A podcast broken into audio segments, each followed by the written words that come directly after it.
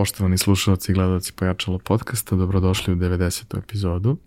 Ja sam vaš domaćin Ivan Minić, naš sponsor je u ovoj epizodi kompanija Epson, a danas imam veliku čast i zadovoljstvo da ugostim Danila Micića, jednog od osnivača Case 3D, ali ne iz samo tog.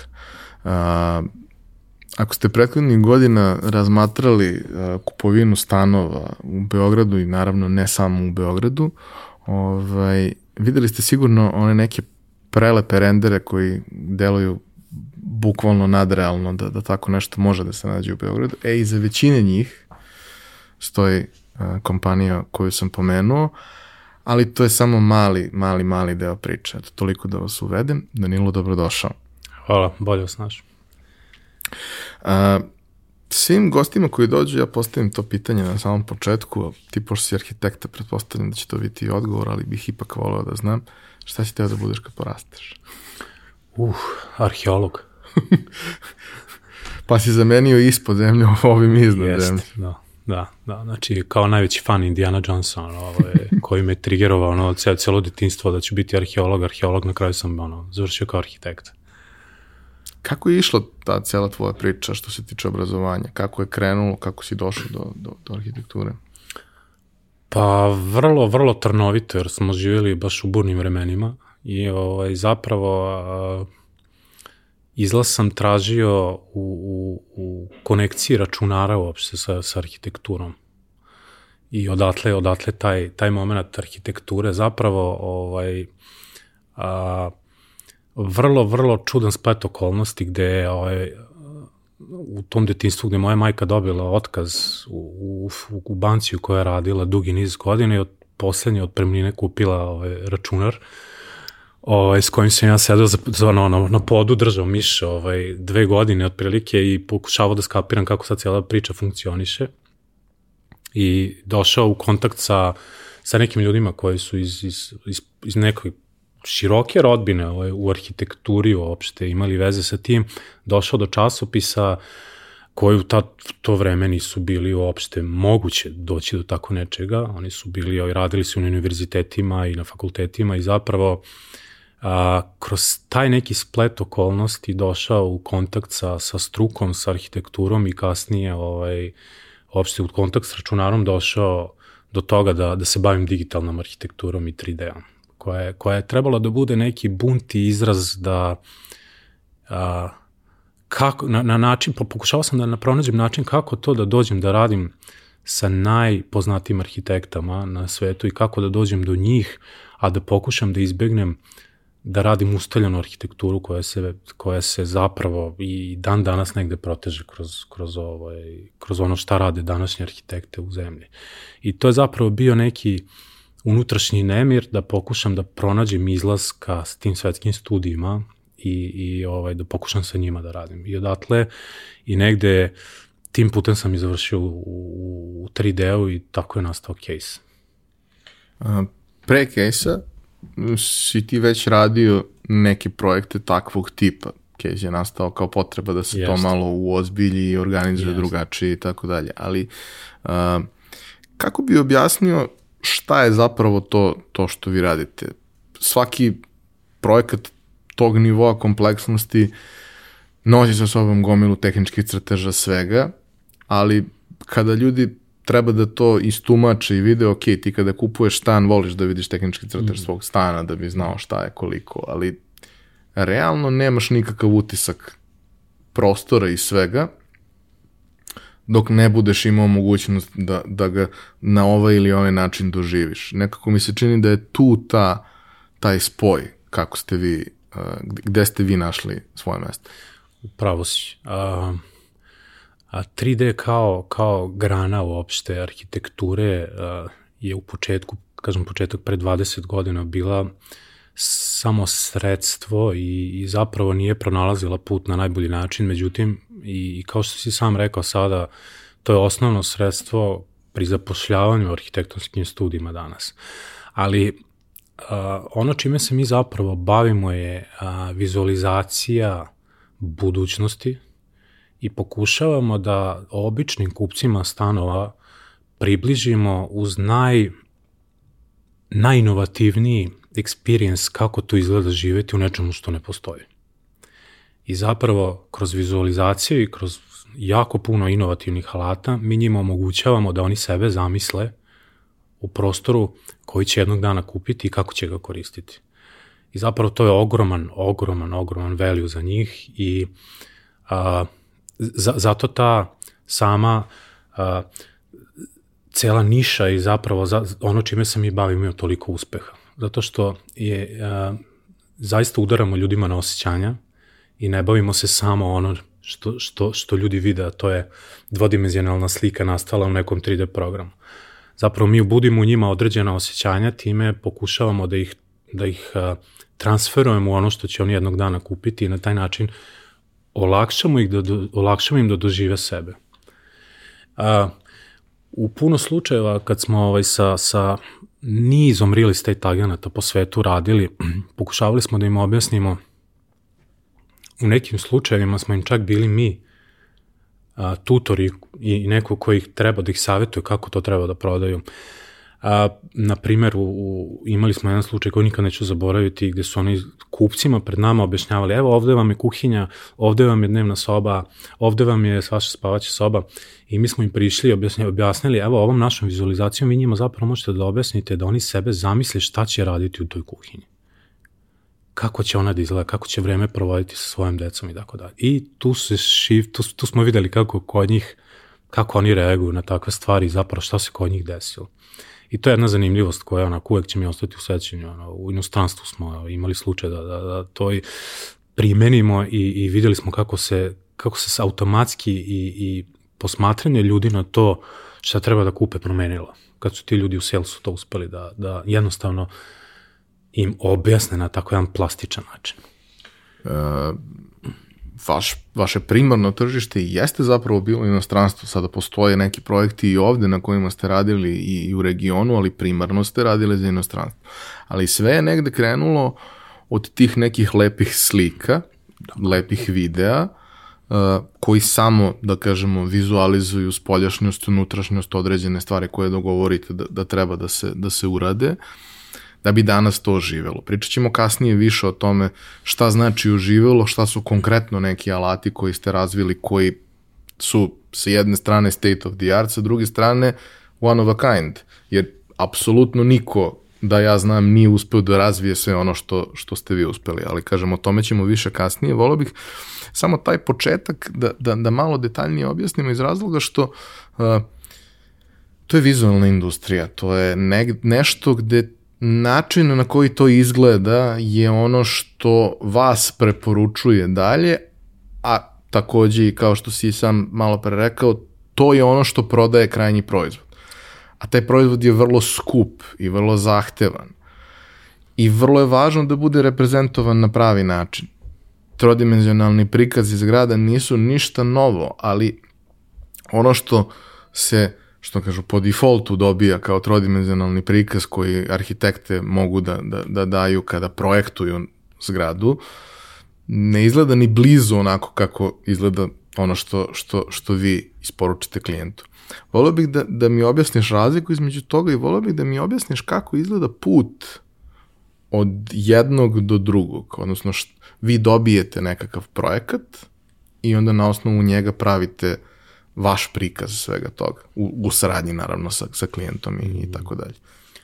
Pa dobro si rekao, ovaj, moram da se vratim samo na taj moment rada, rada globalnog, globalnog tržišta, a, jer mi već evo drugu deceniju radimo za, za to globalno tržište i zapravo a, kroz rad na globalnom tržištu smo naučili i na različitim tržištima kako određeni marketi funkcionišu. Pre svega mislim na Evo daću dva plastična primjera. Middle East i Skandinavija su potpuno dva različita tržišta i po pitanju arhitekture i doživljaja arhitekture i doživljaja stanovanja, što je možda mnogo bitnije, i samim tim lifestyle-a. I mi smo na oba tržišta dugi niz godina prisutni i kroz rad sa arhitektama i developerima na tim tržištima smo naučili zapravo koje su to cake detalji i šta je to zapravo što je vrlo bitno za svako tržište i ta, to iskustvo nam je omogućilo zapravo da se razlikujemo od drugih. Ta raznolikost rada, po, po, no, no, da kažem, na planeti, nam je omogućila da napravimo tu razliku koju si spomenuo zapravo sad. I da odgovorim na tvoje pitanje, zapravo storytelling i, i, i zapravo priča iza te slike i šta ona komunicira i šta ona objašnjava u stvari pravi suštinsku razliku u odnosu na ono što i sam si spomenuo da je, da je neki a, ajde kažemo standard bio dugi niz godina i kod nas. I, I to je ono što pravi suštinsku, suštinsku razliku. I ta, ta kolaboracija i uopšte saradnja sa, sa arhitektama i sa developerima je iz, od suštinske važnosti jer oni moraju da budu ti koji su zapravo u celom procesu i kad si spomenuo taj proces, on zapravo nije komplikovan kao što izgleda, ali ako se dobro postavi. To znači ako svako razume i ima određene ciljeve, dobre briefove, šta želi da postigne zapravo sa tim slikama i šta želi da postigne sa svojim marketinškim materijalom, to su neke stvari koje nama olakšavaju proces. A sam proces je a, u, u, ovom, u ovoj našoj niši vrlo, vrlo složen i negde podsjeća, moram da kažem, podsjeća na IT, na ono kako se to radi u IT-u i naša struktura kompanije je zapravo postavljena strogo po tim procesima i po tim pravilima gde mi zapravo kroz jedan vrlo detaljan brief sa, sa arhitektama i našim klijentima prvo dolazimo do toga šta oni žele da postignu sa projektom, zašto to rade koji je cilj svega toga, da li je to samo prodaja, da li je to neki prodaj nekog lifestyle-a, da li je to dugoročna kampanja, da li je to konkurs i tako dalje. I mi zapravo krećemo kroz taj jedan brainstorming sa klijentom uopšte praveći uopšte ideju šta taj projekat na kraju treba da, da bude i da on predstavlja. Crteži koje mi dobijamo od njih su raznoliki, da li su tu u pitanju skice, da li su tu u pitu, pitanju uh, detaljni arhitektonski projekti, trodimenzionalni prikazi i tako dalje. I zapravo uz pomoć tog materijala mi počinjemo da gradimo tu priču i taj storytelling o kom sam malo pregovorio i, i, i, i uz pomoć svih tih detalja zapravo krećemo da, da pravimo određenu priču i taj projekat na taj način počinje da živi. Uh, moram da te pitam jednu stvar, jer meni lično je interesantna, nekako mi deluje da i to igra ulogu, možda grešim, ali radite sa ljudima koji su takođe negde umetnici. Je li ima suete? Naravno. Kako se hendluje sueta na tom nivou? Pa, postave se određeni, ovaj, određena pravila u komunikaciji, očekivanja, i jednostavno ovaj, svako zna gde, gde, u kom delu procesa i šta mu je potrebno da uradi. E sad, a, što se same sujete tiče, da, borba je ogromna, ovaj, čak i ponekad interna u, u kompaniji, jer, ali a, ja pridodajem značaj tome da želimo da za, zaista napravimo vrhunski proizvod u svakom trenutku i da želimo tu vrstu slobode i odatle ta sujeta proizilazi ponekad i ona je ponekad i dobra. I, i hoću da kažem, i da je pozitivna a, u ovome što mi radimo, jer a, ako ćemo mi dobiti na kraju kvalitetni proizvod i ako ćemo dobiti apsolutno, apsolutno pomeriti svoje granice, što konstantno pokušavamo da uradimo, mi nekad tome ne predodajemo previše značaja. Ali u saradnji sa klijentima nekako a, postavimo određena pravila, određene očekivanja, što malo ljudi uradi u startu i zapravo ovaj, pokažemo da i mi grešimo i da, da je sve moguće da se desi tokom projekta. Tako da sujete sad u, u, u zadnjem periodu ni nema toliko, ajde, ako bi morao da se vratimo. Onako da... Dobro, sa jedne strane, sada vi apsolutno niste nepoznati, sada ste vi go-to adresa kada, kada nekome treba ta vrsta usluge, imate reference koje su impresivne, uh, Ovaj, a verujem da u početku ipak i, i to što ste novi i što ste odavde sigurno imalo neku ulogu. Ali e, ono što si pomenuo u jednom trenutku da svako tržište nosi sa sobom neke specifičnosti, odnosno najčešće su to neki e, kulturološke neke razlike pre svega. Sećam se baš ovaj, u par navrata smo uh, radili neke projekte, upravo to, kao pravljenje sajtova za neke real estate projekte sa, sa uglavnom sa, sa drugarima koji imaju dizajn studije i koji su dobili taj materijal koji neko kao vi pripremi, pa sad treba to posložiti u nekakav sajt, mm -hmm. nešto. I sećam se, ono, to upravo što, što si rekao, uh, Middle East, uh, to je sve napucano, to je sve ludilo, komercijala preko svake granice, nebo, ono, uh, zlatni sat, sve izgleda kao milion dolara. I kao, dobro, me, ja, ja volim tako to nešto, te stvari da vidim, zato što stvarno izgleda prelepo, to jeste najlepši trenutak u danu, još ako je dobar ugao, da. refleksije, sve to stvarno izgleda impresivno. Ovaj, I onda smo jednom prilikom dobili da radimo projekat, isto preko, preko prijatelja, ovaj, za neki uh, komercijalni real estate na Islandu koji je izgledao kao sve, samo ne ono što smo do tog trenutka radili i videli. Bilo je prefantastično na svoj način, ali više mi je izgledalo kao sajt investicionog fonda, konsultantske kuće, nego što mi je izgledao kao real estate sajt. I ti renderi, oni su bili toliko svedeni, ali su izgledali neverovatno dobro. I kao, ok, ima tu, ne... a što niste malo to nebo, ono, naranđasto nebo i da, to se da. kao, pa nema naranđasto nebo, mislim, kao to ne postoji. Ovde, ovde je kiša. Ovde je tako kako je i mi nećemo ljudima da dajemo lažna očekivanja i to sve i kao mi radimo po ovom nekom principu i nama je to bilo beskreno zanimljivo jer ono, stvarno verujem u to da, da taj neki minimalistički pristup ovaj, koji skandinavci u principu imaju u svemu, a ja negde računam Islandu u Skandinaviju, ako Jest. baš i nije, ovaj, ali najbliže mi je tome. Mislim, svi kažu koji su bili da kao da si došao na Mars, a ne na, na istu planetu, ali nekako mi to kao na, najbliže deluje.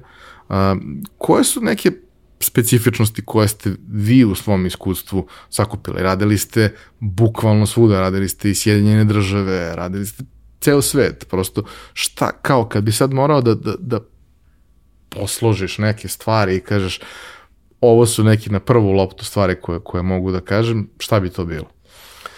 O tržištima neki. Da.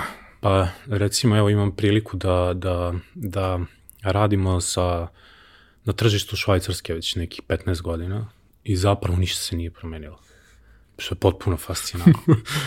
je zato što kažem, dobre stvari ne treba menjati tako, ili... upravo, upravo to, upravo to.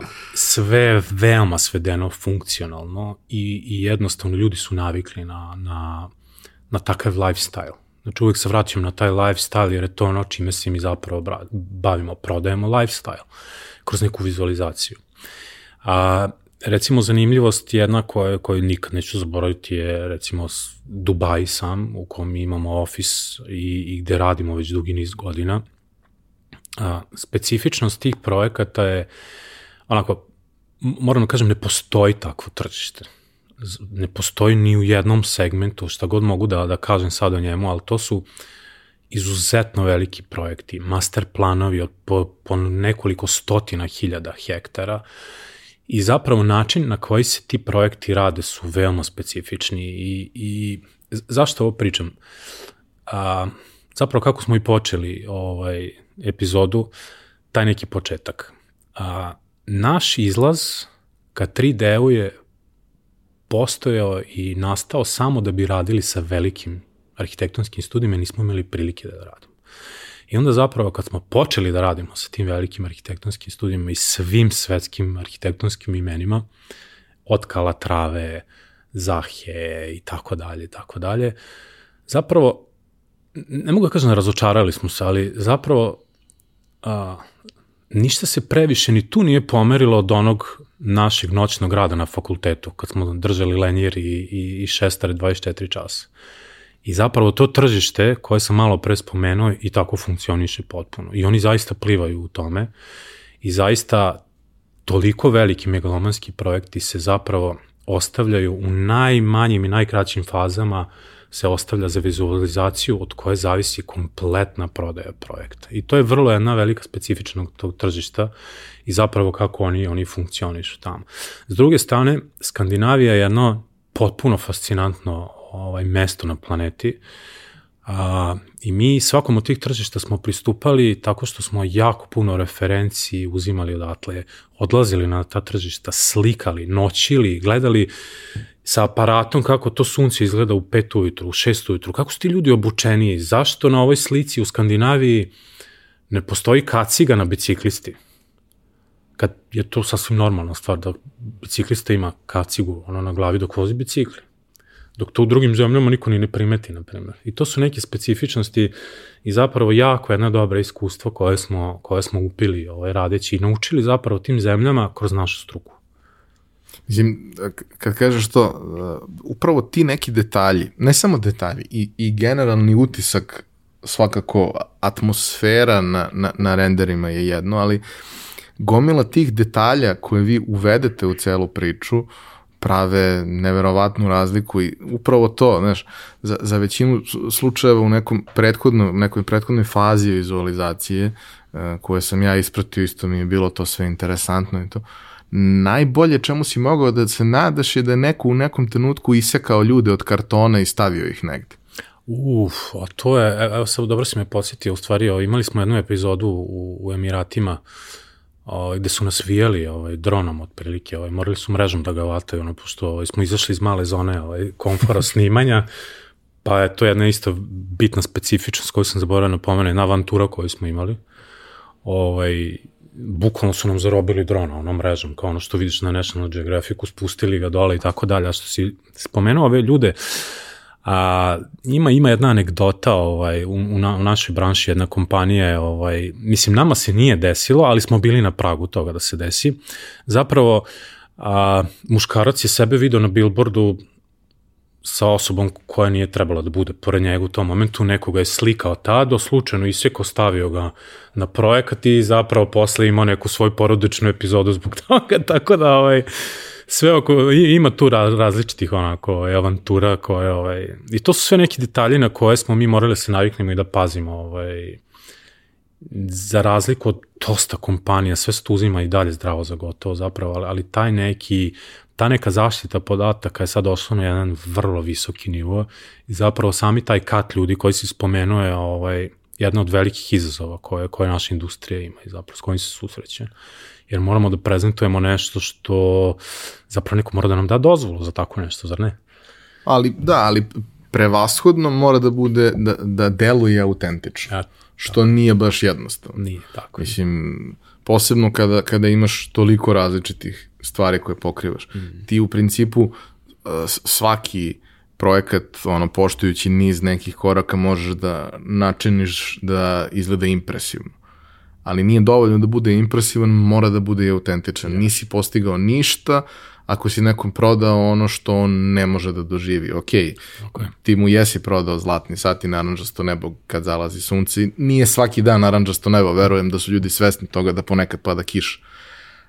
Ali 100 dana godišnje to nebo jeste tako. Mislim, jedna od stvari koju ja najviše volim u Beogradu je kad ono, taj period godine, najčešće početak jeseni, kad se vraćaš kući sa posla oko 5-6, kada nebo izgleda verovatno, ono, mislim, meni najlepše na svetu, jer sam odavde, ali ono, zaista, zaista nešto neverovatno i lep nam je ovaj grad, ne mogu baš da, da kažem ovaj, ništa, ništa negativno za njega a, a osim činjenice da parking i saobraćaj ne funkcionišu nužno onako kako bi trebalo. Popravit ćemo u Photoshopu.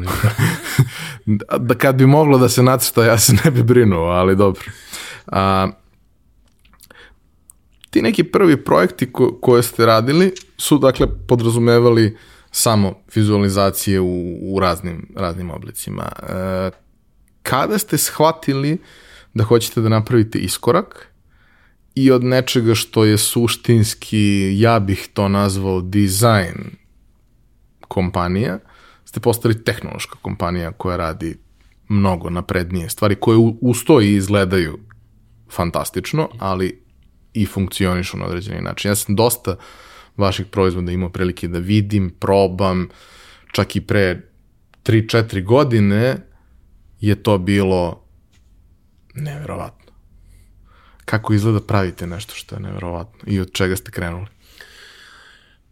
Pa sam, sam, sam taj drive koji imamo ovaj, konstantno da, da budemo bolji i da, da, da izlazimo iz te zone komfore, mislim da, da to je ono što ti vidiš zapravo, što je eksterno ono što si ispomenuo sad, čime smo mi počeli da se bavimo, a to je tehnologija. Ali zapravo ja bih se osvrnuo na unutrašnji, na unutrašnji, kažem, bunt i nemir, šta je to? Zašto smo mi to krenuli da radimo? Jer smo hteli da, da budemo konstantno drugačiji i da budemo prvi u nečemu. I ta, taj imperativ da, da zapravo pokušamo da promenimo i da unesemo određeni distrapt u industriju je bio broj jedan imperativ za nas. Zato što je real estate industrija u kojoj smo zapravo jedan ogroman dinosaurus, koji se ni dan danas ne menja.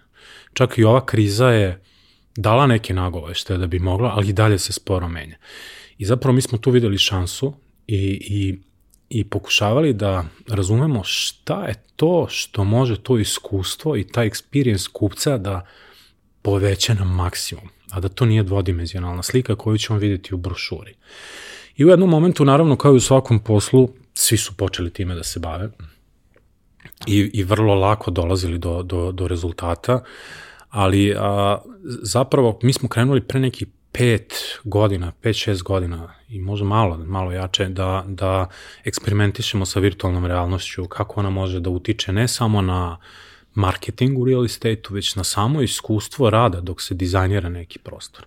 Pa smo imali različite slučajeve gde smo mogli u virtualnoj realnosti da imamo kolaboraciju sa više arhitekata na više različitih lokacija na sve to da mi se uopšte fizički ni ne vidimo, nego se jednostavno vidimo u jednom virtualnom prostoru, iskomentarišemo ga tu, vratimo se za svoj sto i za nastavimo da radimo na projektu. Tako da, to su samo neke stvari od početaka, ali, ali definitivno, kad bi mogao da sažmem u jednoj rečenici je kako da pružimo potpuno nesvakidašnje jedno novo iskustvo isprobavanja te buduće nekretnine koje treba da, da, da kupimo. Jedan, jedan, evo na jednom plain jeziku objašnjeno da, da bi svi razumeli. I zapravo došli smo do virtualne realnosti koja nam je omogućila da se šetamo kroz prostore koje ne postoje. Da imamo, sa sve pogledom. Sa sve pogledom i ne samo pogledom, nego interakcijom sa objektima u tom prostoru koji ne postoje. Sećam se da može se upali slavina. Mislim, jest, to je tad moglo, sad jest. verovatno može da sve. Da se sprema doručak ovaj, u virtualnoj kuhinji koja ne postoji, da se pomeraju stolice, da se uključuje svetlo, da se gasi svetlo i tako dalje. Tako da, jako puno opcija i, i to su neki početci odakle smo krenuli i mi se time i dan danas ovaj, bavimo i to izučavamo na jednom mnogo, mnogo, mnogo višem nivou. Inženjer u meni želi da kaže što vi volite sebi da komplikujete da, da život. Da, da, bukvalno. sve to kreće iz nečega što je pojednostavljeno i vremenom se usložnjava. Ono što je takođe meni tu vrlo interesantno je da ne samo da se usložnjava pojedinačna stvar, već sada vi dolazite u fazu da su uh, proizvodi koje nudite, a to sa jedne strane, da kažemo, vizualizacija, foto, video i sve to, sa druge strane, niz sada već ovih interaktivnih stvari, čak i nekih uh, delova koji, koji mogu da pomognu prilikom prodaje u okviru samog menadžmenta objekta, Tako. koji stan, koja cena, koji tlocrt, uđeš svaki mesto, pojedinačno tako. i tako dalje. To sve vrtiš zgradu, pa klikneš, pa dođeš. Mislim, sarađivali smo na, na jednom takvom projektu, pa mi je to sve prosto bilo potpuno fascinantno. Jer jedno je kada to imaš u, u prezentacionom centru gde se to vrti na nekom računaru, prikazuje se na nekom televizoru, potpuno je drugo kada ti to sve isto imaš na webu. Nije isto. Ali razlika u experience je minimalna a to što si dobio je prosto, prosto fantastično. Yes. I to, kažem, taj deo mi je potpuno neverovatan, jer taj, taj inženjerski pristup koji kaže, ok, sad smo mi napravili nešto što je polazna osnova, sad smo napravili plugin na to nešto koji omogućava da se napravi experience, gde, ne znam, kroz set kriterijuma ti kažeš, aha, nije stan na prvom, nego na četvrtom spratu, nije ovaj, nego je onaj, gleda na tu stranu, staviš headset i ti si u tom stanu, Sada je to još integrisano u širi sistem gde je u suštini sve međusobno povezano. Što zvuči užasno komplikovano. Jeste. kako je tekao, znači, hajmo da, da probamo da poslužimo šta vi sada sve imate od proizvoda koje nudite developerima koji, koji žele da sarađuju sa vama? Pa zapravo nudimo im mogućnost da, da svoju prodaju imaju u džepu, na mobilnom telefonu i da na taj način omoguće svojim kupcima da, da mogu da sve što žele kupe provere na vrlo jednostavan način. Ovo vreme nas takođe nateralo na, na neke pomake u tom pravcu, ali mi smo već dugo u tome, tako da ovo vreme je zapravo potvrdilo da smo na dobrom putu sa, sa svim tim o čemu si sad priča. A, krenulo je naravno od, od te dvodimenzionalne slike a, gde smo pokušavali da razumemo, e, kako sad mi možemo da oživimo tu sliku, šta, šta tu može još da se desi? I zapravo virtualnim turama, a, to a, fotografijama koje su u 360 stepeni, mi smo omogućili da u nekim prvim koracima još pre par godina klijenti mogu da na taj način komuniciraju sa svojim nepostojećom nekretninom. To je značilo da oni pored te slike zapravo ne moraju uopšte ni da budu na lokaciji, nego mogu iz Londona da kupe stan u Beogradu, što bi volao da se dešava, definitivno i kroz tu virtualnu turu prošetaju se kroz taj stan koji ne postoji i zapravo ga na taj način rezervišu, kupe ili, ili tako dalje. Onda smo počeli da razmišljamo, e, stani, stani, kako bi ovo mogli da dignemo na nivo developmenta?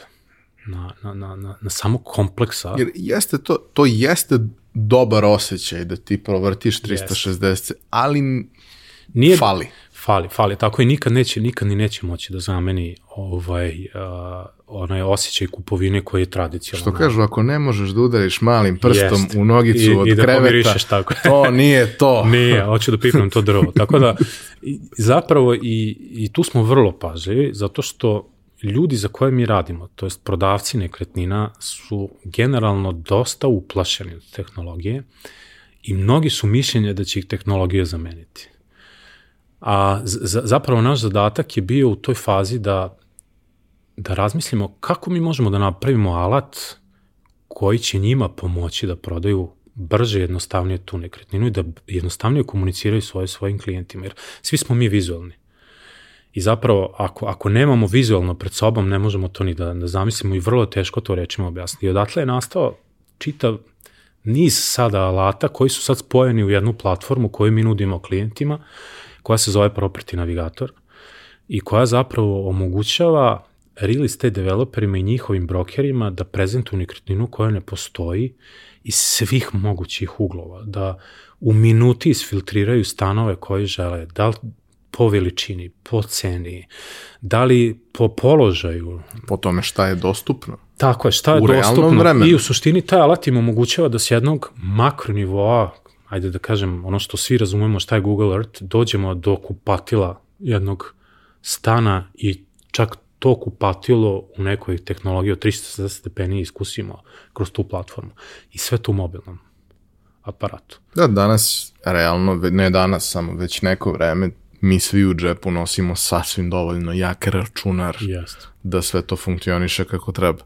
Uh, sjećam se, ima tome jedno dve godine, možda i malo više, A, bio sam u a, Beogradu na vodi, gledao na jednom od onih velikih ekrana kako to sve izgleda, vrte one zgrade, to mi sve bilo interesantno. Klik to, kliktao po onim ovaj, spratovima da vidim šta ima od stanova i u jednom trenutku gledam onako sve ono, idu automobilčići ulicama, sve je okej, okay, pravi se gužva na kružnom na toku, kružnom. čisti se gužva sa kružnog toka, rekao to je to, neko je razmišljao o svemu i u jednom trenutku vidim naravno, postoje i ptice koje lete, sve postoji u jednom trenutku ja vidim pticu koja leti ispod reke. Da, da. Jer je neko pogrešio u, u dimenziji i kao, a što ova ptica leti ispod reke?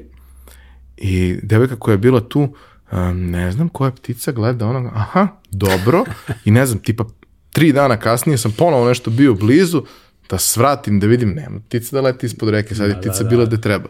Da ti bukvalno, uh, i takvu stvar možeš da ispraviš u roku od par sati, jer mislim, ok, u pitanju jeste vrlo, vrlo minorne, minorna greška. Onda se sećam recimo šta je meni tu bilo najinteresantnije, konkretno u tom, a vi ste umeđu vremenu napravili i još mnogo naprednijih stvari, ali kao, osim što sve možeš da vrtiš iz različitih uglova i tako dalje, možeš da menjaš do ova dana. Da. Što što nije samo promenilo se nebo je sad tamno, sve ostalo izgleda isto. Ne, kompletno sve Vi ste Postavi bukvalno sebe. suštinski iz mog ugla, koliko, koliko se razumem, mislim da i tehnološki principu na toj osnovi, vi ste napravili igricu. Pa vi ste da. napravili, ste mnogo volili Simse da igrate, ja bih rekao da je neko u firmi mnogo volio da, Simse da, da igra. Da, imamo gamera jako puno, a to nisam ja. Ja sam, ja sam završio samo na Call of Duty, to je to otprilike.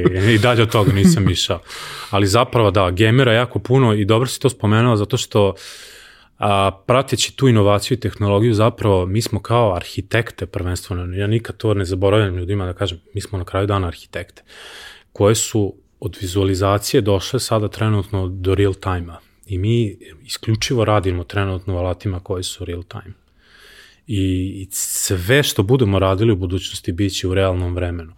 Naj, naj, a, ajde neka najbolja paralela tom realnom vremenu je, pretpostavljam da su svi gledali, gledali Ready Player One, je ovaj, kako, kakav nas sve to očekuje ono, u narednih deset godina i, i kako to realno vreme izgleda i šta se zapravo u njemu dešava i, i kakve interakcije će sve postojati. Zapravo eto time se mi bavimo, jer u, to sve radi u realnom vremenu i ta tehnologija nam je omogućila kao arhitektama da možemo mnogo jednostavnije remote da radimo. I zapravo sve to što si spomenuo možemo iz svog ofisa da, da jednostavno na dva klika promenimo bilo gde na svetu, jer su tako i postavljeni ovaj, alati. A uh uvođenje e, tehnološke ekipe u, u, u ceo proces, kako je teklo? Ko su, ko su bili ljudi? Kažeš sad ima dosta i, i ljudi koji su potekli možda iz neke game industrije, mm. Ovaj, što je negde i logično jer vrlo je komplementarno, ali kao kako je ta priča krenula da, da se dešava? Pa, spontano koji sve ostalo. Zapravo, mi smo, mi smo u 3D-u samouki. Mi smo pre 20 i nešto godina i kao pioniri u 3D u zemlji zapravo došli do ovde gde jesmo kao samovki. I, i ovaj, a, tek pre nekih deseta godina zapravo kad smo zapravo počeli da razumemo šta je preduzetništvo i kako ono funkcioniše i šta nas čeka u, kom fa, u kojoj fazi biznisa, počeli smo zapravo da, da razmišljamo o tome kako ćemo sistematizovati kompaniju, šta će se s njom dešavati u budućnosti i, i kroz te neke planove zapravo gde želimo da budemo na toj nekoj biznis mapi u budućnosti, počeli u stvari da razmišljamo koliko smo mi koliko ćemo biti jedno, koliko ćemo jednostavnije raditi i fleksibilnije sa takvim timovima. I počeli da preuzimamo određene postulate, načine kako IT industrija funkcioniše i polako počeli da eksperimentišemo kroz, kroz vrlo mali tim koji je počeo da radi testove, a, zapravo paralelno sa svim poslom koji smo imali, da bi došli danas do ovog da mi imamo čitav jedan departman koji će se samo sada skalira i širi i zapravo mi kao kompanija verovatno neverovatno već jesmo, ali od januara sledeće godine postojemo u neku ruku većim delom IT kompanija nego arhitektonski dizajn studio, što je fascinantno. Uh, I mene i nas onako, ne mogu da kažem, ne, ne plaši nas, nego jednostavno to je to, svake godine, svakog momenta pokušavamo da izađemo iz te zone komfora i, i dešavaju se nenormalno dobre stvari. Tako i ovo, ogroman izlazak iz zone komfora. Kada sam prvi put došao u kontakt sa 3D-om, to su uglavnom bili neki, kao i manje više svim ostalim delovima IT-a, neki čudni ljudi koji sede za nekim kompjuterom i ne izlaze nikad iz kuće i tako dalje. I oni rade sve i to što naprave na kraju Delfina koji se renderuje 8 dana, ovaj, to je sve impresivno, ali je bilo vrlo centralizovano i u principu imalo je taj single point of failure. Međutim, vremenom, ovaj, sada kada za, za kažemo, komercijalni 3D, reklame i te stvari, mm -hmm. postoji jako puno već e, ozbiljnih studija u, u Beogradu. Imao sam prilike da pričam sa, sa dosta tih ljudi, da se upoznam, da vidim projekte na kojima su radili. Ti sada shvatiš da zapravo uh, vremenom, kako se cela priča usložnjavala, ti imaš sve više i više različitih profila ljudi u okviru tog zanimanja. To više nije, ne više imam ja čoveka za 3D, nego je taj, taj čovek je 14 različitih ljudi koji svako radi svoj deo priče. Mm. Jedan radi model, drugi radi teksture, treći radi svetlo, četvrti radi rigging, peti radi animaciju, da bi na kraju to izgledalo potpuno realno. Na, kao sećam se, uh, kad je trebalo da se gleda, nisam stigao da gledam i, i jebi ga. Zutropija kad je izašla. I kao, ali treba da gledaš zato što je to nešto što, što je, mislim, i super i crtani. Ja volim da gledam crtane, naravno. Ove, kao, kao i svi odrasli koji i dalje neguju ono dete u sebi. Ali kao to je prvi put da su, ne znam, za, za svaki, jer sad je već dovoljno hardware jak da to može, za svaku od životinja, crtan je star četiri godine, mislim. Da. Svaku od životinja, ne znam, kao krzno izgleda neverovatno, sve izgleda, pa naravno da izgleda neverovatno kad ima, ne znam, 400.000 dlaka nacrtanih ili ne znam, milion dlaka nacrtanih, ti gledaš i vidiš to, zaista vidiš sve to, vidiš koliko se to usložnilo. Ja sam mislio Final Fantasy kad sam gledao pre, mm. ili Matrix, pre 20 godina, da kao to je to, nema dalje od toga. Meni je to sve delovalo potpuno realno. Sada kada ga gledam, toliko se oko Naliko. ono izveštilo da vidim sve nesavršenosti.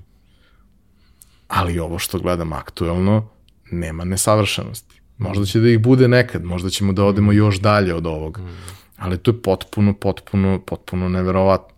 I sad, taj vaš posao, osim što donosi strukturno neke stvari koje tu moraju da, da, da, da postoje, on ima s jedne strane tu likovnost koja je vrlo, vrlo važna, s druge strane da bi taj flyover video izgledao kako treba i to neko treba stvarno lepo da osmisli, da Izraži. da nađe smisao, da ok, znaš, kao, nije, nije sad to rocket science, ali treba da prođe ta kamera da snimi to što treba. Uh, krajnji rezultat je fascinantan. Mislim, ok, tvoje, ali, znaš, kao, jako je impresivno. Mm. Jako je impresivno i apsolutno svaka čast na tome. I sada, još to sve dođeš do toga da, da može da oživi kroz, kroz, te neke, kroz te neke momente. Ja se sećam, recimo, to isto bilo ima jedno, ja mislim da ima jedno tri godine, ti ćeš me možda ispraviti, uh, kad su, kad su uh, od uh, tih uh, 360 prikaza, koji su takođe ok, oni imaju isto svoje neke pinpointe yes. gde možeš da ideš, ima tu određeni nivo interakcije. Kad je napravljen uh, virtualni dollhouse, gde mm. ti stvarno možeš da uđeš i doživiš sve, kad je onda to prošireno na to da zaista možeš da interaguješ sa tim prostorom, uh, i gde sada to, opet kažem, postoji kao centralizovana stvar. Ti to imaš na telefonu, ti to imaš na totemu, ti to imaš na velikom ekranu i iskustvo ti je svuda jednako dobro. Ma, malo sam ti ishvalio, Hvala. ali mislim svaka čast na, na svemu tome. Koliko je to teško postići, koliko uopšte, mislim, koliko rada stoji iza, iza takvih stvari, pošto i sam si pomenuo u jednom trenutku da vrlo često se ne ostavlja dovoljno vremena da se te stvari urade na pravi način. Mm. U kom trenutku treba ući uopšte u, u, u tu vrstu planiranja i koliko vremena je potrebno za to varira, naravno od projekta do projekta, ali redovi veličine neki. Pa, recimo platformu koju, koju, koju nudimo developerima da, da šest puta, deset puta prodaju brže svoje nekretnine, a, izrađujemo minimum nekih mesec dana do, do dva meseca, ali zapravo a, da se vratim na tvoju priču uopšte, a, ovo što si spominjao, nismo samo mi tu bitni u celom tom procesu. Vrlo je bitno i ono na što smo mi vrlo, vrlo ponosni kao kompanije, taj, taj a, izlaska klijentima. I s kojim klijenti smo, smo radili. I kako oni u stvari, koliko su oni bitni u celoj ovoj priči, ne samo mi. Oni su ti koji daju ili oduzimaju slobodu tokom projekta, i to svi znamo koji smo u kreativnoj industriji. Zapravo to je jedna ogromna, ogromna vrednost koju smo i na kraju dana i sreća negde na kraju dana koju smo mi imali da radimo s tako velikim klijentima koji će to razumeti i koji će to koristiti na kraju dana i koji će nam ostaviti potpunu slobodu da mi tako nešto razvijemo. E Pružit će vam poverenje. Tako je, na prvom mestu poverenje. Sad zapravo sve to po, ovaj, proizašlo iz, iz potrebe da promenimo tradicionalni način kako se prodaju nekretnine 100 godina unazad. I kako mi možemo sad sa tim alatima njima da omogućimo da oni imaju interakciju sa njima zapravo. Jer to je ono svo vreme što nam nedostaje i u filmu, i uopšte, u igrice su uspešne, zašto su uspešne? Zato što imamo konstantnu interakciju sa njima. I zapravo to su neke paralele odakle smo mi ono, crpeli ideje, motivaciju, šta mi možemo u našoj industriji koja je arhitektura na kraju dana da promenimo i kako da postavimo da bude interaktivnija, zanimljivija za sve korisnike. I, I u tom procesu negde koji, eto kažem, mesec do dva traje, mi zapravo omogućimo ono, krajnjem korisniku da ima potpunu interakciju s nečim što ne postoji, što je fascinantno zapravo, što je krajnji cilj. Ali, kažem, klijenti su mahom u našoj industriji ti koji, kažem, prekrajaju sudbinu projekta na ovaj ili onaj način. E sad, zavisi kako ko može da vidi. I tu je naša uloga vrlo, vrlo bitna, osim ove tehničke, a to je da, da vodimo klijenta ka viziji zajedno šta je to šta će on to dobiti i zašto to što radi radi. A koje bi projekte na kojima, si, na kojima ste radili, koje bi izdvojio kao, kao nešto u različitim periodima, ne mora čak da bude ni nešto što je najaktuelnije, naj, mm. ali kao pominješ da je taj trenutak uh, pomeranja sobstvenih granica veoma važan bio mm -hmm. za mhm. celu priču. Uh, koje su, koji su projekti koji su ti ostali ono, u sećanju kao, kao nešto što, što vam je bilo najvrednije i možda i što se tiče referenti, što se tiče znanja. Da, da, da. Imamo jedan projekat koji smo radili u, u, u Emiratima baš, koji je zapravo na jedini rezidencijalni projekat između Novog Guggenheima, Louvra i, i najpoznatijeg muzeja u Emiratima na samoj plaži. Ostao mi najviše u sećanju zato što smo proveli određeno vreme na toj lokaciji, a lokacija je na samoj ivici mora, zapravo Arapskog mora i, i radili smo kompletan marketinški ono, projekat za njih koji uključuje i 360 i vizualizacije i određene vrste brošura i tako dalje i tako dalje. Bio je vrlo, vrlo, vrlo specifičan a, po pitanju i roka i zahtevnosti, dugo smo radili na njemu, ali sama ta činjenica da se radi na, da, da, da je na rezidencijalnom projektu koji je u tom trenutku bio najvažnija lokacija u jednoj zemlji, je bila potpuno fascinantna i to je bio drive koji nas je ono vuko, aj majmo sada šta sve tu možemo da uradimo da, da bi jednostavno to bilo najbolje moguće i da jednostavno pomognemo ljudima da imaju nešto što niko drugi nema na svetu. A, takođe drugi projekat je bio a, i dan danas je aktualan, najviše, nova najviša zgrada na svetu. Nalazi se na, nek, na nekom drugom delu Dubaja, Dubai Creek se zove. A fascinantno je na projektu i to što smo prvi put na takvom skelu primenili real-time tehnologiju u arhitekturi zapravo. Mi smo kompletan Dubaj uradili u, u, u 3D u realnom vremenu i način koji smo prikazali taj development je bio drugačiji od svega što smo radili 15 godina unazad. Zapravo nismo prikazivali ni trunku stana jednog i nekretnine, nego iskustvo kako se posmatra na taj development, gde se on nalazi. I onda u jednom momentu smo kao tim došli na ideju da zapravo taj rezervat zaštićeni, da je taj projekat bio, ima jako puno zaštićenih biljnih i životinskih vrsta i flamingosi su između ostalog bili. Mi smo napravili virtualnu šetnju po tom rezervatu sa flamingosima i ti si mogao zapravo da, da vidiš gde taj projekat nastaje i kako će on izgledati i u sledećoj sekvenciji smo napravili da čak letiš sa tim flamingosima prema projektu. I zapravo celo Dobro. to iskustvo je bilo potpuno fascinantno za ovu našu industriju. Kao šta je sad ovo? Kao, ček, čekaj. I sad vraćam se na ovu priču od, od, od početka, to je lifestyle. To je malo, uh, vrlo, vrlo malo arhitekata, a ne mogu kažem arhitekta, ali developera, investitora koji zidaju komplekse razmišljaju o tome. Da prodaju lifestyle. I, i ovaj, trenutno najveći projekat u zemlji koji Beograd navodi je vrlo, vrlo smo ponosni na, na, na samu činjenicu da smo deo tog projekta i zapravo da smo zajedno u saradnji sa njima razvili jedni od najinovativnijih alata koji ne postoje na, zapravo nigde na svetu to su neki, eto, ajde kažem da, da ih sumiram neki projekti ovaj, na, na ko, koje ću se rado sećati uvek. Ništa, kad budeš imao vremena da mi pripremiš neki demo da ja mogu da letim Može. sa tim pticama i da se šetam sa njima. Ja, kao što oni koji me prate ovaj, znaju, ja mnogo volim životinje i tako kad smo bili zarobljeni u Americi, ja sam išao po parkovima i snimao pačići. Ovaj, tako da, eto, možda bi mogo i virtualno da idem po parkovima i da snimam pačići. Svaka čast.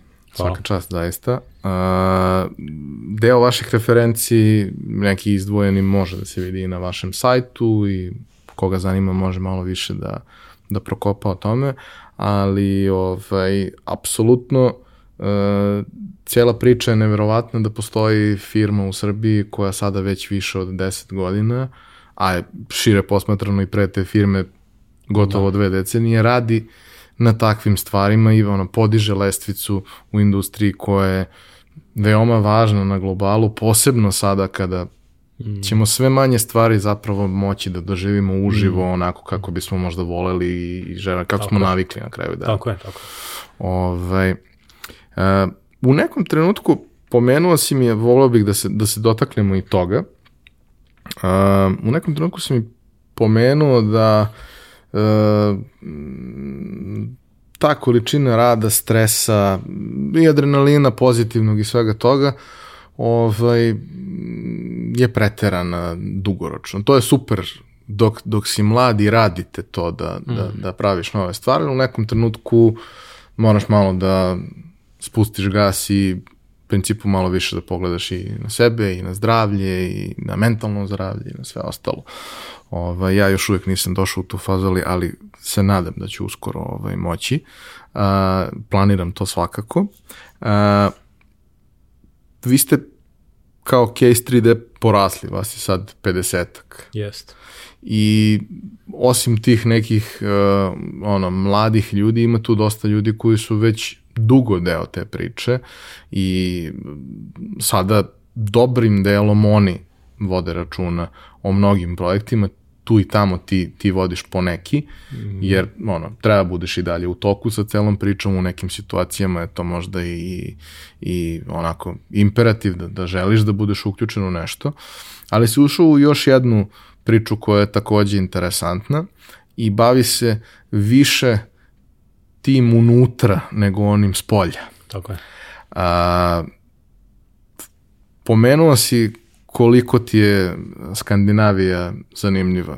I meni je, mislim, ako, ako postoji uh, neko ko ima savršen odnos prema upotrebnim predmetima, onda je to Skandinavija, onda je to ovaj, Danska, Švedska, Norveška, posebno kada je u pitanju nameštaj.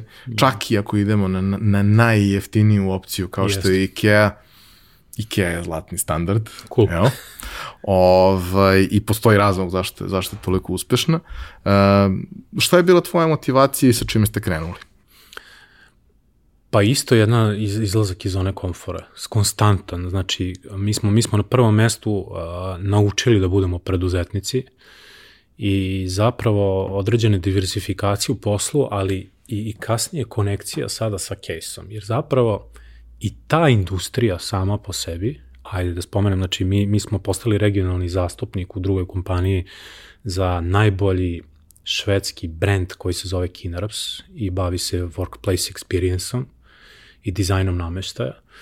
A, zapravo sama ta konekcija i ta industrija, konekcija sa case-om i, i, sama ta industrija takođe imaju puno potencijala za unepređivanje i promene.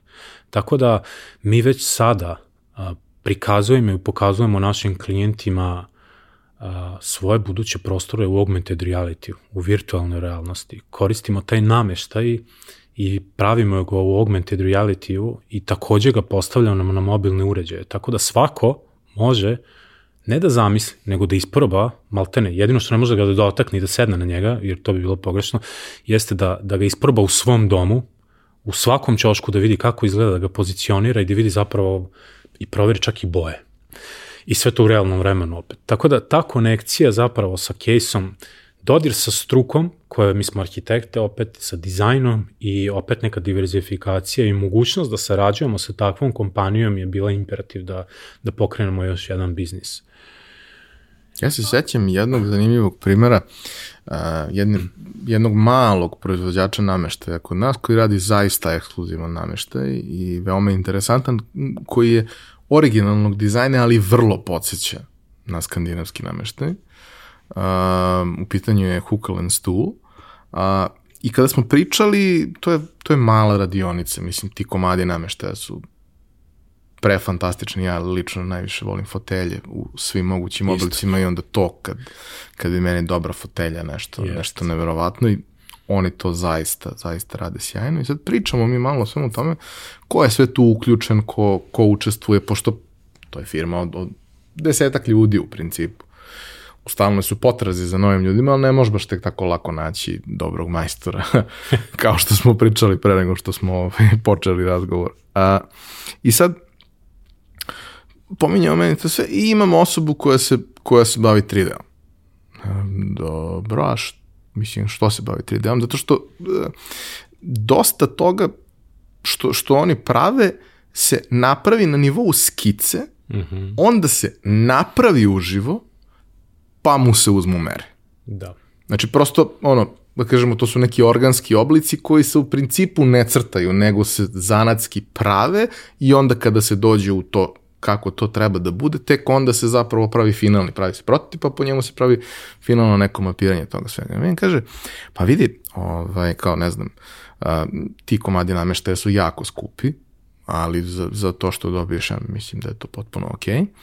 On kaže, vidi, mi pravimo ma, male, nemamo serije, mi pravimo pojedinačne komade, tu i tamo bude neka mala serija od, od, od po nekoliko komada i naše poručbine su ili to komadni namešte koji nekom želi da oplemeni svoj prostor, recimo tom nekom foteljom centralnom ili tako nečim, ovaj, ili u nekim slučajima to može da bude, ne znam, garnitura za kuhinju, mm -hmm. odnosno trpezariju, garnitura za, za dnevnu sobu i tako dalje.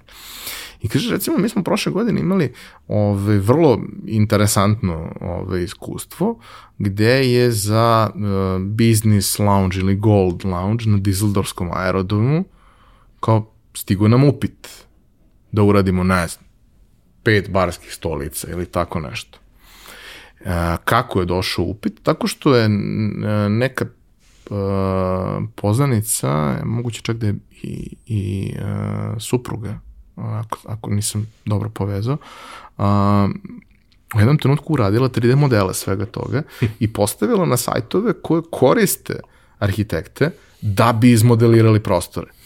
I ti sad imaš kao polaznu tačku, ti imaš sav taj materijal, svi veliki proizvođači, posle meni to objašnjam, pa sam to gledao, pa sam čak i saznao da neki moj poznanik ovaj, radi to, ono kao dobije crteže sve i pravi te stolice i sve ostalo koje se pakuju u modeli i stavljaju na takve baze, jer ti to omogućava da tim ljudima koji rade enterijere daš svoj nameštaj, oni ga uklope, neko takav kao vi ga napravi tako da ljudi mogu da ga dožive i čovjek kaže, ok, o, sa ovim idemo i ovo kupujemo.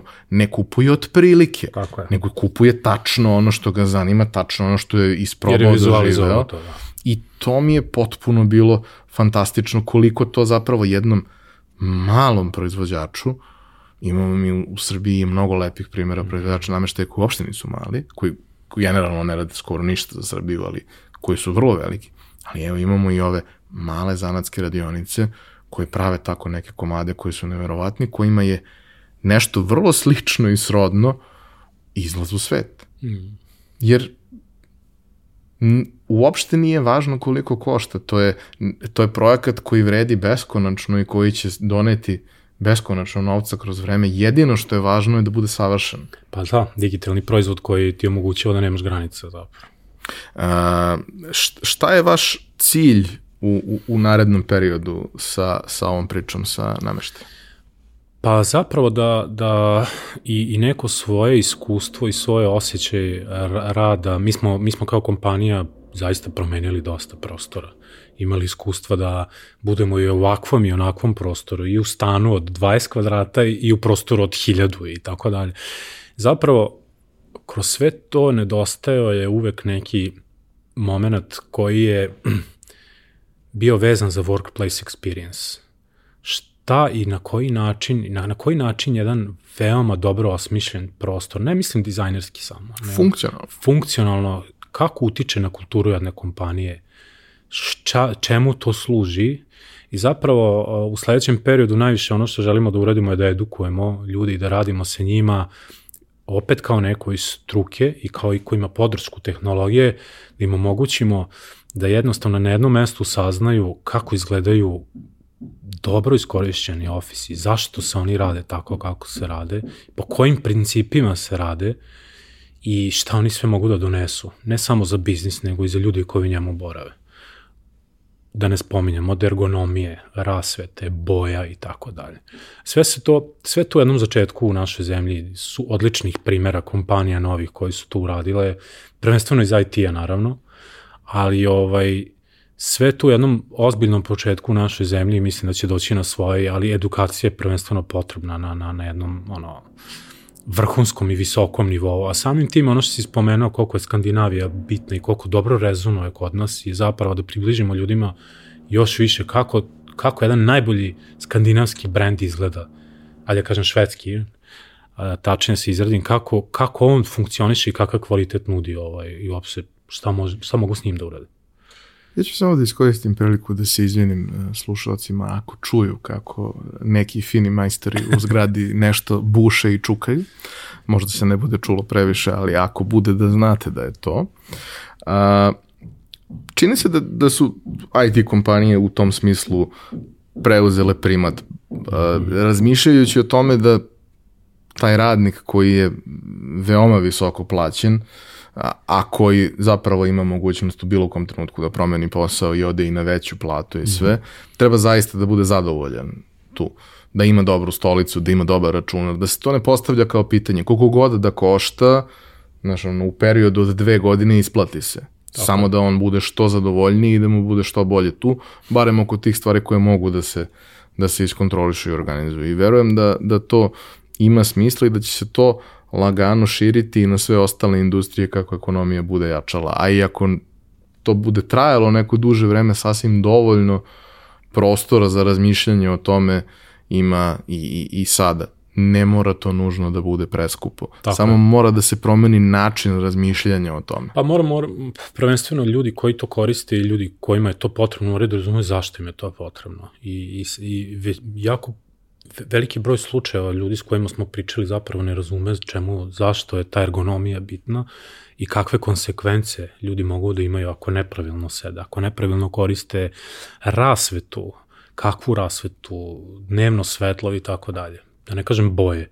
I sad, a, nameštaj tu kao nameštaj je, jeste kao neko osnovno sredstvo, ajde, za rad i, i kao neka posledica, ali ono iza, gde, gde vidimo gde, gde zapravo jedno ogromno nerazumevanje i obično, znaš kako, novi prostori kvalitetni, ajde da kažem, fenomenalno izdizajnirani su u većini slučajeva nameću ljudima.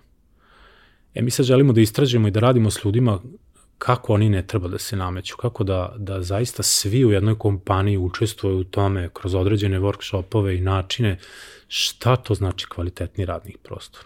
I zapravo da, da oni daju svoj glas i pečat tome šta, mogu, šta može s tim prostorom da se uradi. I, i zapravo tu je i, i mi smo imali te izazove kao, kao vlasnici kompanije zaista da ne razumemo i da jednostavno nametnemo nešto. I tog trenutka kad smo to promenili u, u prošlosti, zapravo uključili sve ljude u proces, počelo su da se dešavaju zaista zanimljive stvari. I, I to je jedan od procesa koji ovde nedostaje ovoj industriji. Kad kažem ovoj industriji, mislim zapravo i na samo opremanje kvalitetnih kancelarijskih prostora. Nedostaje taj dijalog, nedostaje ta, jer zapravo iz tog procesa ljudi će moći da, da, da uvide na koji način mogu da imaju efikasnije prostore i bolje. Ne samo kroz brojeve, nego uopšte kroz ponašanje svih ljudi koji to koriste. I to je jedno ciljeva koji ćemo imati u narednom periodu. Jedan od proizvođača nekih od najboljih stolica na svetu, kaže, stolica radnih, kaže, ovo nije stolica, ovo je mašina. A postoji razlog zašto je to tako i postoji razlika između toga kad sediš na nečemu što je sasvim okej okay, Jest. i kad sediš na nečemu što je zaista, zaista prava pa, stvar. Pa znaš kako, u analogiji u Srbiji najlakše to objasniti po principu auta. I to, to je onako fascinantno koliko je lako objasniti kako se koriste premium brendovi i oni koji nisu. Tako da u, u toj nekoj paraleli kad, kad pokušamo ljudima da, da, da ih osvestimo koliko je to kvalitetno, a, mi spomenjamo uvek luksusne brendove koji se naravno uvek moraju dodirnuti, pomirisati, pipnuti i tako dalje. Nije dovoljno samo vizualno. Ali ima i onaj jedan moment koji kaže, uh, ima ona priča, i time bih uh, lagano zatvorio. Uh, ima, ona, ima ona priča kad kaže uh, možeš da izabereš bilo koji auto na svetu, ali imaju u vidu da je to poslednji auto i da ćeš taj auto koristiti ceo život. Mm -hmm. Ko, kakvu ćeš odluku doneti? Ti kao razmišljaš, razmišljaš, kažeš, tvoje telo je auto koji ćeš koristiti ceo život. Ako da, se da. ne odnosiš prema njemu na pravi način, Jest. A posao ti je takav da moraš da provedeš za, za, u radnom prostoru 8-9 sati mm. dnevno, mm. to što ti ne smeta za leđa kad imaš 20 godina ne znači da ti neće smetati kad budeš imao 40, ali sa 20 praviš dobru ili lošu odluku koja će ti promeniti situaciju sa 40. Bukvalno se me podsjetio ovaj, na, na situaciju koja se lično desila meni. A to je ta analogija ovoj gleda, čekaj, čekaj, za kola ću dati toliko, toliko, čekaj, za stolica, šta? 1000 evra? Pff, kao nema šanse. I to se zapravo desilo pre 15 godina kad smo mi počeli da koristimo takav nameštaj. U to vreme 1000 evra dati za stolicu je bilo kao, čekaj, čekaj, nezamislivo. I mislim da je i u ovo vreme. Zavisi kako ko doživi sad, ali, ali zapravo, ta stolica, kad nas budeš posjetio, vidjet ćeš i u salonu netaknuto je. I zapravo tek sad sam, kad smo sredili taj ceo showroom i ceo prostor, taj experience centar, kako ga zovemo, i kad se ona tu pojavila, shvatio ko, koja je važnost ovog što si ti rekao. Da, koliko je to meni pomoglo i šta sam ja sve sa tom stolicom prošao, koliko selitbi, promena skaliranja kompanije i tako dalje. Tako da ona jedna je onako, ono, nikad je nećemo ono... I ja se sećam, ja se sećam primjera takvog jednog komada nameštaja gde kolega kaže, ne, ne, šta, da menjam? Da, da, da. Ne, ja to samo na redovan servis oteram. Znaš, s vremena na vreme, ne da, znam, da. jednom u par godina neko dođe, dotegne, promeni Jeste. se nešto, kao to je to, to je... Zato kažem, potpuno analogija s kolima. Tako, to je mečka, tako je. ali ona stara. Tako. Dok je mečka bila mečka. Danilo, hvala ti. Molim. A, nadam se da, da vam je priča bila interesantna. U opisu ćete naći sve linkove ovaj, na kojima možete da pročitate više. Sve svoje komentare, predloge, sugestije možete da ostavite i u komentarima i na društvenim mrežama. Ovaj, eventualna pitanja ovaj, Danilo će pogledati pa ćemo, pa ćemo odgovoriti na njih. Hvala kompaniji Epson što nas podržava, hvala vama što nas gledate. Vidimo se sledeće nedelje.